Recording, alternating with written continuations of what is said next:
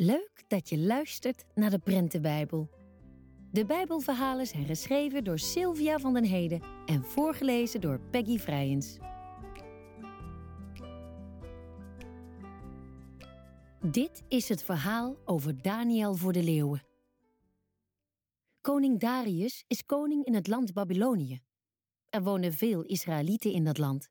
Een van hen is Daniel. Hij werkt voor de koning. Er zijn nog meer mannen die voor de koning werken. Het zijn geen Israëlieten. Ze dienen andere goden. Ze zijn jaloers op Daniel omdat de koning hem zo goed vindt. We moeten Daniel betrappen op iets wat verkeerd is.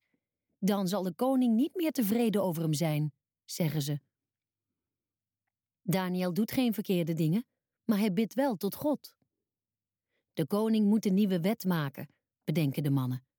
Dertig dagen lang mag niemand iets vragen aan een ander dan aan hem. Wie dat wel doet, wordt voor de leeuwen gegooid.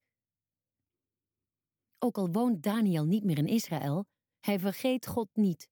Wet of geen wet, driemaal per dag bidt hij voor het open raam. En dan vraagt hij ook dingen aan God. Gauw gaan de jaloerse mannen hem verklikken.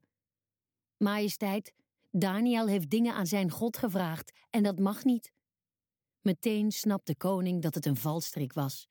Hij wil Daniel redden, maar dat kan niet, want wet is wet. En dus wordt Daniel in een kuil vol leeuwen gegooid. De God die jij dient, zal je redden, wenst de koning hem toe. Die nacht ligt koning Darius wakker. Verdrietig denkt hij aan zijn vriend Daniel. De leeuwenkuil is afgesloten met een zwaar deksel van steen. Niemand kan eruit ontsnappen. De koning zal Daniel niet meer levend terugzien. Of wel? Zodra het licht wordt, springt de koning uit bed. Hij rent zo snel als hij kan naar de kuil. Bedroefd roept hij: Ach, Daniel, heeft de God die je dient je kunnen redden? En Daniel geeft antwoord: Hij leeft nog. Majesteit, God heeft een engel gestuurd. Die engel zorgde ervoor dat de leeuwen mij niets konden doen want God weet dat ik onschuldig ben, zegt Daniel.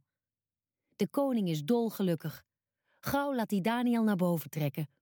De jaloerse mannen worden gestraft. Tegen Daniel zegt koning Darius: Jouw God is de levende God. Hij redt en bevrijdt.